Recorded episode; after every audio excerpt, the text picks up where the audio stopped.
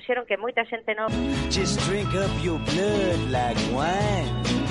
And I said, oh, I didn't know that. But then again, there's only one I've met.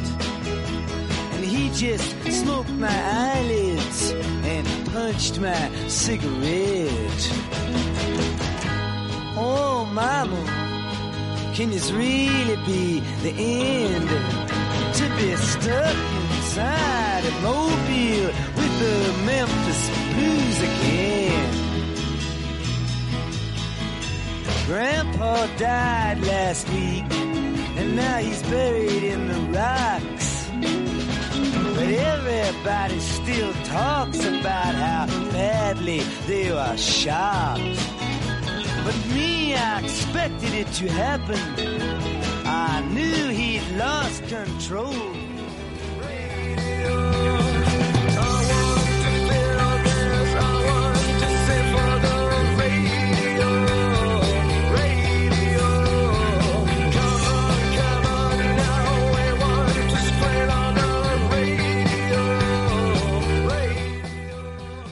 Bos días a todos os ointes. Aquí estamos hoxe para falar de música nacional e internacional, de clásicos e contemporáneos.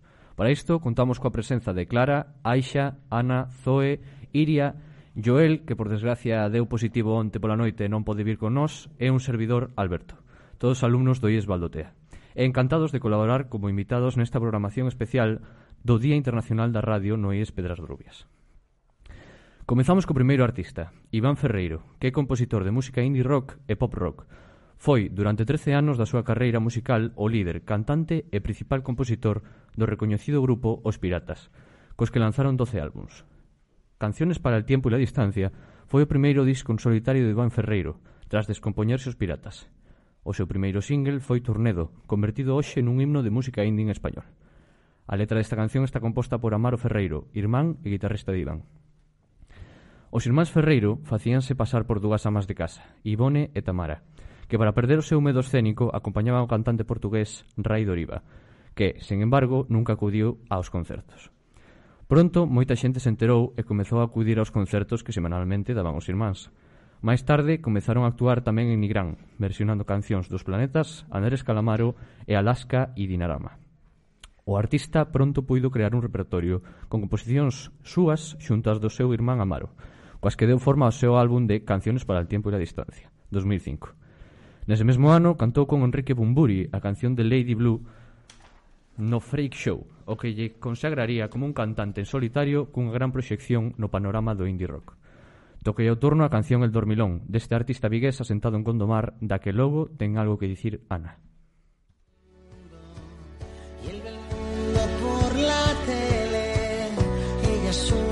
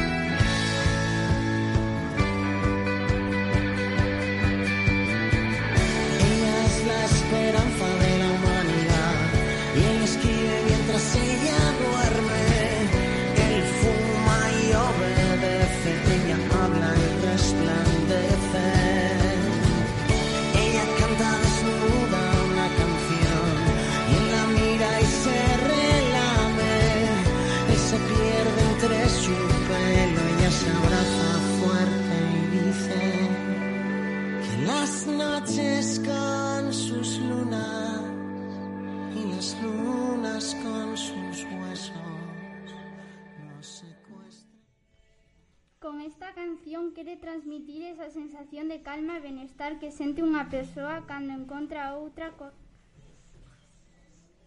coa que pensa que vai compartir o resto da súa vida. Nela, Iván fala dun amor idealizado, cheo de metáforas na que ela é unha deusa e el un cometa orbitando ao seu arredor. Baixo título, El dormilón escondes unha historia de amor contada como as de antes, con unha rapaza que soa e un rapaz de bebe os ventos por ela.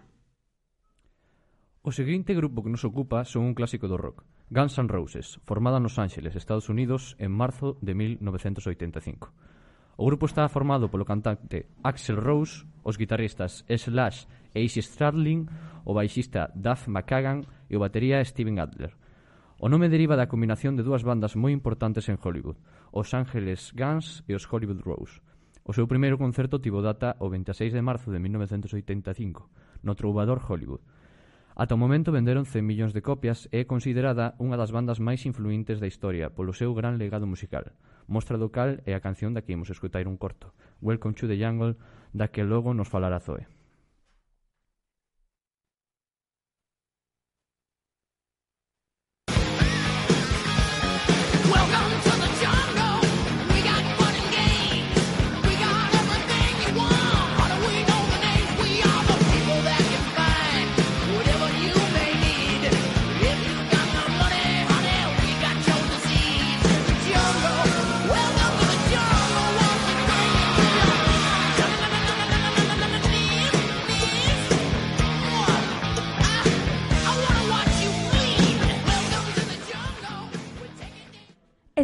canción foi publicada no ano 1987 e foi un dos maiores hits do grupo. Nela, a banda refírese á cidade Os Ángeles como a xungla mesma, tendo tamén en mente unha casa na que viviran moitas historias como banda de rock, en California, co mitificado tipo de vida das estrelas de rock. A esta casa deronlle o nome de Hell House, Casa do Inferno. Era un lugar frecuentado por groupies, drogas e alcohol. Está dirixida, sobre todo, aos adolescentes desa época, e fala moito do sexo e drogas, polo que se pode entender como unha canción que pode levantar unha grande polémica. Turno agora do outro músico galego, Xoel López, que leva máis tempo acariñando unha guitarra do que el mesmo recorda. A Coruña foi testemunha en 1977 dos, do nacemento dun artista plural e libre, como lle gusta definirse, que atopa as súas raíces no pop rock alternativo e no folk clásico. É coñecido sobre todo polo seu traballo cos grupos Elephant Band e Lovely Luna, pero máis que nada pola media dúcia de discos de éxito que publicou baixo o nome de Lux entre 2001 e 2008. En 2009, esgotado polos seus múltiples proxectos e debido á presión crecente da fama, López decidiu mudarse a Argentina e comezar de novo, viaxando por América Latina e actuando en pequenos escenarios xunto a músicos locais. Durante este tempo reinterpretouse como músico e enriqueceuse como compositor. Estas viaxes inspiraron moitas das cancións de Atlántico, o primeiro disco en solitario de López asinado co seu propio nome, editado en 2012. Posteriormente continuou con Paramales, 2015, Sueños y Pan, 2017 e, finalmente, Si mi rayo te alcanzara, 2020. Xoel López é, sin dúbida, un dos artistas máis representativos e influentes da nosa canción española. A continuación, imos escoitar unha das súas maiores e máis populares cancións, Lodo e Clara darános algunha información sobre a súa mensaxe. Allá has andado el camino ya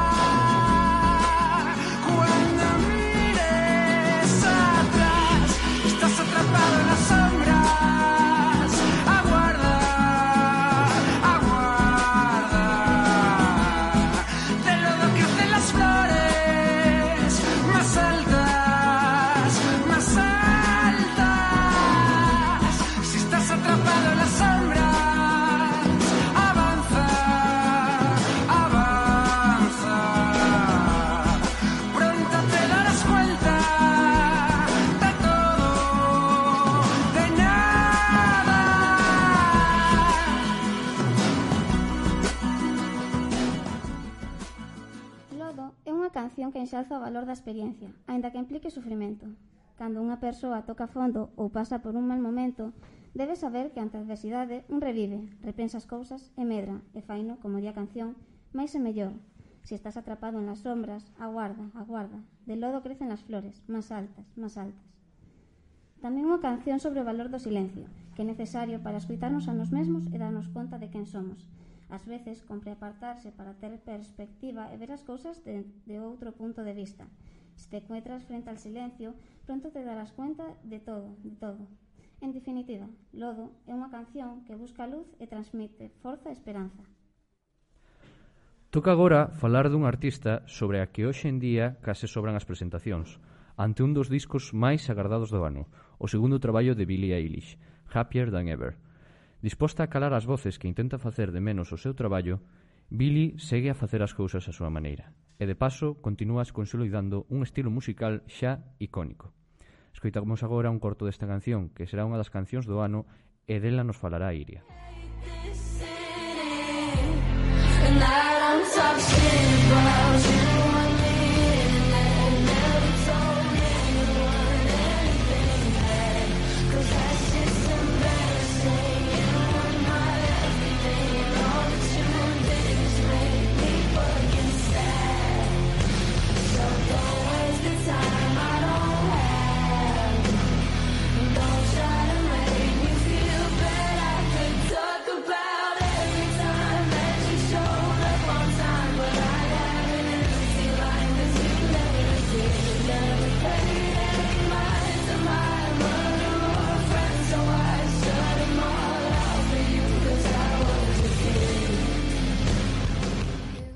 terapia tan ever síntese como se si acabaras de ir a terapia, xa que despois desa sensación de desafogamento, Billy nos narra a superación dunha relación tóxica, xa que despois de estar dependendo emocionalmente desa persoa, ela xa é máis feliz que nunca. A última banda da que falamos hoxe é un dos éxitos nacionais dos últimos anos, Vetusta Morla, que naceu no verán de 1998 e comezou no xinasio do Instituto José Luis San Pedro, nas localidades madrileña de Tres Cantos nome do grupo provén do libro A historia interminable, onde Morla é unha tartaruga que optou por creerse o xusto para non converterse en nada, un concepto moi metafórico como a, como a maioría das súas letras. A grabación da súa primeira maqueta, 13 horas con Lucy, tivo lugar en xaneiro do 2000, pero o seu primeiro disco non viu a luz ata o ano 2008, co título Un viaje por el mundo. E seguironlle mapas no 2011, Los ríos de Alice 2013, La Deriva, 2014, mismo sitio, distinto lugar, 2017, e recentemente veñen de publicar unha banda sonora para a película La Hija e o seu último disco de estudio Cable a Tierra, que comenzará a súa xira de concertos por España, Sudamérica e Europa o próximo verán. No medio desta discografía teñen dous discos en directo, un concerto benéfico de apoio ao Conservatorio de Música de Lorca 2012 e o famoso 15.151 no 2015 en Madrid Pasamos a escoitar a canción que logo analizará Aisha, Finsterre. Desde que tú llegaste todas las piedras me dan abrigo y ahora tu cuerpo es patria, tengo aguijón y un buen enemigo. Es nuestro inhogado rumor de sables que yo te canto. Lo usaré resonar como una herejía en el campanario.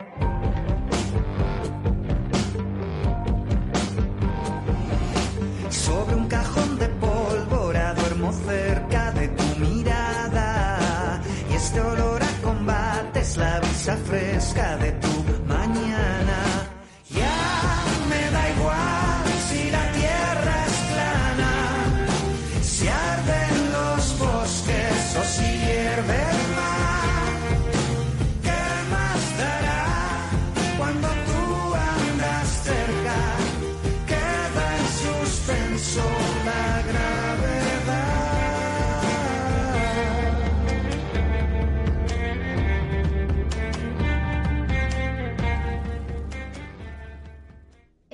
canción fala do amor con maiúscula. Quizás un amor prohibido, por iso nomea como unha herexía e o que lle cerrarán as portas.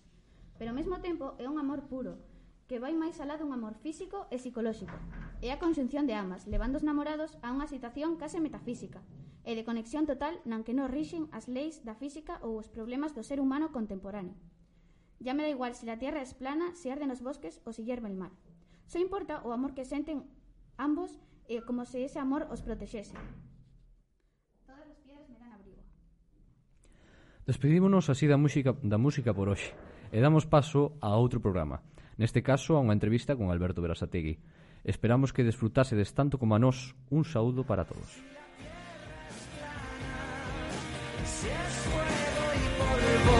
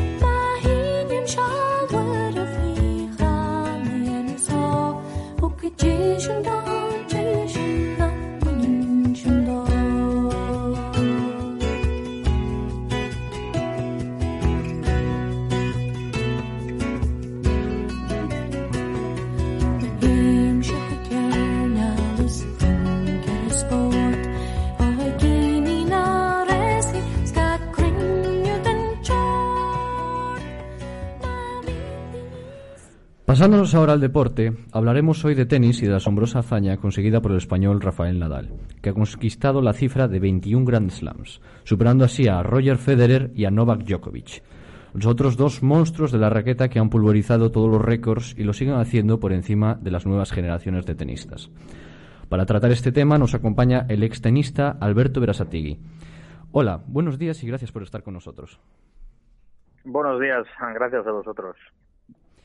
Bueno, tú, Alberto, que has llegado a estar en el puesto número 7 del ranking del ATP, ¿cómo describirías la hazaña de Nadal?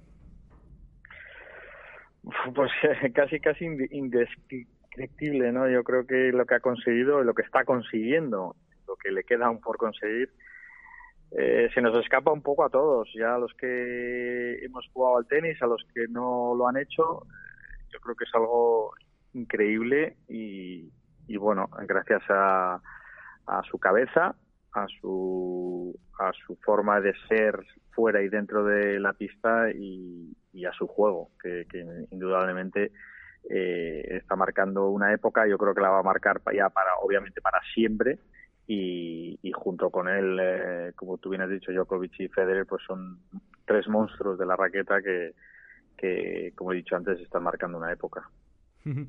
Y de este estilo y de forma de ser de Nadal y de forma de juego que tiene, ¿cómo crees que puede afectar su carrera a las nuevas generaciones de tenistas? Bueno, está, está, mar- está poniendo el listón muy, muy alto, ¿no? Eh, en otros deportes también ha pasado. eh, eh, y en el tenis lo, lo están haciendo ellos tres, sobre todo, bueno, en estos momentos Rafa, que va liderando la carrera esta que tienen entre ellos, yo creo que de Grand Slams. Eh, yo creo que en positivo, por su actitud, su forma de, como, he comentado, su forma de, competir, de estar en la pista y, de humildad que tiene, eh, yo creo que es muy positivo para las nuevas generaciones y, y es, en, alguien en, en el que fijarse, ¿no? Yo creo que es el deportista eh, 10, por, por así decirlo, en cuanto a entrega y en cuanto a, saber hacer las cosas bien eh, dentro de una pista de tenis. Eh, por otro lado, el, el- por así decirlo, el punto negativo es que está poniendo el listón demasiado alto y, y, y, bueno, va a costar ver eh, o nos va a costar ver a un tenista tan, tan, tan, tan bueno eh, en este país. Eh, sin duda, hay, hay generaciones que están subiendo muy fuerte. Tenemos a Carlos Alcaraz que, que, que viene golpeando muy fuerte y que va a ser un gran, gran tenista. No sé yo si va a conseguir lo de Rafa Nadal, pero, pero sin duda que Rafa está dejando el listón altísimo. Bueno, habrá tiempo en el futuro para ver si consigue algo al menos parecido. Pero bueno, además de tiempo para esta hazaña de Nadal, también hubo tiempo para la polémica, ¿no? Con el, con el caso del tenista número uno actualmente, Novak Djokovic. ¿Qué opinión te merece lo sucedido y qué crees de la decisión o qué consideras si fue justa o no la decisión del gobierno australiano? Yo creo que al final hay unas leyes, hay unas normas, eh, los gobiernos, los países eh, las dictaminan. Yo creo que mucha gente que, que, que, ha estado encerrada en sus casas y que, y que bueno pues han tenido que regir por unas normas del país. Y bueno, Djokovic no sé si acertada o, o desacertadamente, pues bueno, él ha decidido que- que vacunarse no entra en sus planes, pero tiene que asumir las consecuencias, ¿no? Eh, justa o injustamente. Eh, Australia en este caso eh, dijo que dijo que no que no dejaba entrar a, nadie en el país eh, que no estuviera vacunado y bueno, pues tiene que acatar esas, esa decisión de, de un país, de un gobierno que, que ha puesto esa norma. Eh, luego ya si más adelante otros países deciden lo mismo, como parece ser que va a ser el caso de, de Francia, de, de Inglaterra y de Estados Unidos y no va a poder jugar allí, pues pues bueno, se, tendrá que se tendrá que adaptar y acatar eh, las consecuencias que ello conlleve. Eh, en principio, mm, España o, en este caso el torneo de Madrid no le va a poner ese impedimento, impedimento y va a poder participar. Eh, la decisión al final la tiene él. Eh, la tiene él porque está en sus manos, a no ser que los gobiernos o, o- o todo cambie y decidan que la vacuna no sea obligatoria, que bueno, pues ya podría eh, jugar libremente en cualquier país. Sí, bueno, al final lo que estamos comentando es que es algo de conciencia un poco social y ayudar a, en estos tiempos tan difíciles. Pues nada, ahora Así damos es, paso, sí. doy paso bueno, a mis compañeras Shana y Candela que te harán unas cuantas preguntas. Muchas gracias. Muy bien, gracias. Buenos días, eh, soy Shana. Si no hubieras tenido la posibilidad de ser tenista profesional, ¿qué te habría gustado ser? Bueno, pues eh, seguramente algo relacionado con el deporte. Ya desde muy pequeñito eh, mis padres me inculcaron al mundo del tenis y del deporte y, bueno, los, los, los, los, los ratos que no estaba jugando al tenis o no estaba con una raqueta, pues estaba jugando al fútbol y, y es verdad que, que, bueno, siempre me ha llamado la atención el deporte y es donde siempre más a gusto me he encontrado.